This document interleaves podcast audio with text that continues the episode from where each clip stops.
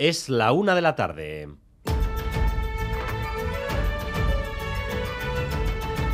Crónica de Euskadi con Dani Álvarez.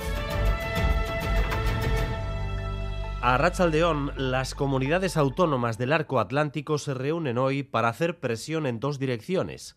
Hacia París, para que Macron garantice la conexión con Europa por un lado, y hacia Bruselas, para que le hagan entender a Macron que esa conexión es prioritaria. Francia pretende retrasarla hasta 2040 dando un golpe muy severo a la competitividad de las regiones atlánticas, que quedarían desprotegidas frente a otras como las del Mediterráneo, que ya tienen enlaces a norte y sur.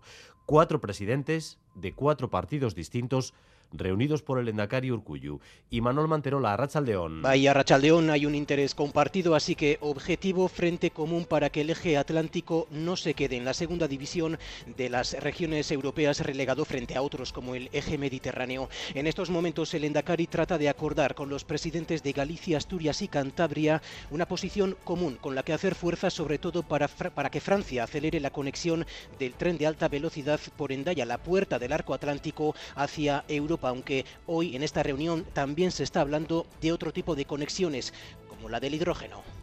¿Qué es lo que dice la Comisión Europea con respecto a este eje ferroviario? Bruselas, Amaya, Portugal. Sí, pues fuentes comunitarias han lamentado el retraso previsto y han anunciado que pedirán explicaciones a nivel técnico a las autoridades francesas. Es un tramo que pertenece al corredor atlántico europeo y dichas fuentes entienden que París debería priorizar en sus inversiones ferroviarias los tramos transfronterizos. No solo hablan del tramo Dax-Burdeos, destacan también que la futura Y vasca y la línea actual entre Endaya y Dax no son compatibles, que sería necesario que ese tramo también fuera de alta velocidad para evitar cuellos de botella en el cruce ferroviario de la Muga.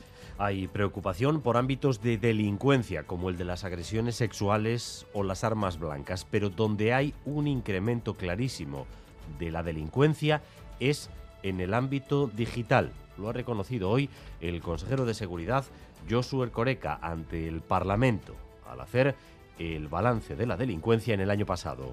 El incremento del 41% que los delitos informáticos han experimentado entre 2019 y 2022, casi tres veces superior, como hemos visto, al crecimiento de los delitos presenciales. Significa que sin la influencia porcentual de los ciberdelitos, el aumento delincuencial de los últimos años sería sensiblemente menor al registrado los delitos en el ámbito digital han aumentado un 41%. Y esta tarde se reúnen con el ministro Escribá, los sindicatos y la patronal. Se va a aprobar la reforma de las pensiones con la oposición, en principio de la patronal. Aunque seguía, según decía hoy el secretario general de UGT, Pepe Álvarez, que estaba en Bilbao, eso la oposición de los empresarios no será un impedimento. Quedan algunas cuestiones para avanzar en acabar con la brecha salarial, que en el caso de las pensiones entre mujeres y hombres es absolutamente eh, insoportable. También queremos que haya un acuerdo de ir subiendo las pensiones más bajas. En los temas esenciales estamos de acuerdo.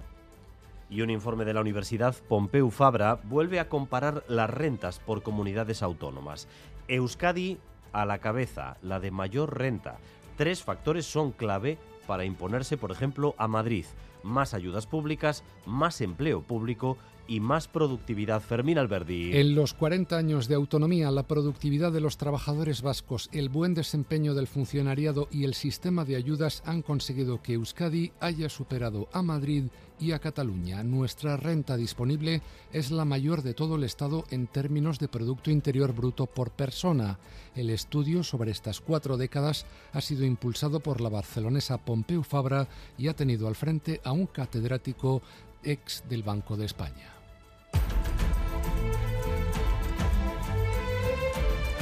El gobierno vasco sanciona a Cuchabank, multa de 123.000 euros a través de Conchumovide por eliminar parcialmente el pago en efectivo, eliminar el servicio de caja para no clientes y también por prácticas abusivas, Xavier Madariaga. Sí, en la calle son las personas mayores las que más se alegran de la sanción a Cuchabank. Son ellas las que más usan los servicios de pentanilla y durante los últimos años han visto cómo los bancos les quieren ver cuanto menos mejor. Con que vengas una vez al año para informarte de lo que tienes aquí, tal, pues me parece que tampoco es justo. No es que me hayan puesto mucha pega, pero de momento me dicen que, que si puedo ir lo menos posible, mejor. Así es que ahora este tirón de orejas al banco lo ven muy bien porque, insisten, la digitalización no puede traer consigo una merma en derechos para ningún consumidor. La película Todo a la vez en todas partes arrasa en los Oscar con siete premios. Mejor película, director y guion, mejor actriz y también los actores secundarios. El mejor actor ha sido Brendan Fraser.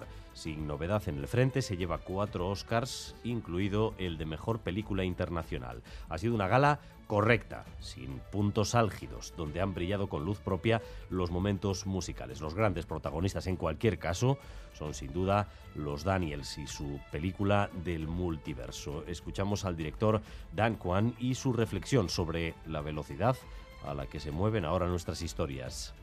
Sometimes it's a little scary knowing that movies move at the, the rate of years and the world on the internet is moving at the rate of milliseconds. Um, but I have great faith in our stories.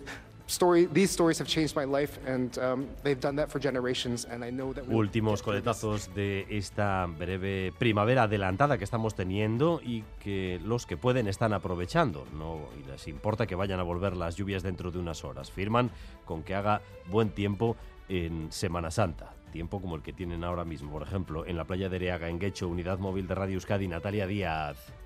Sí, a Rachaldeón, solo el viento que vuelve a soplar, lo apreciaréis, está empañando un poquito esta mañana de nuevo espectacular que estamos teniendo.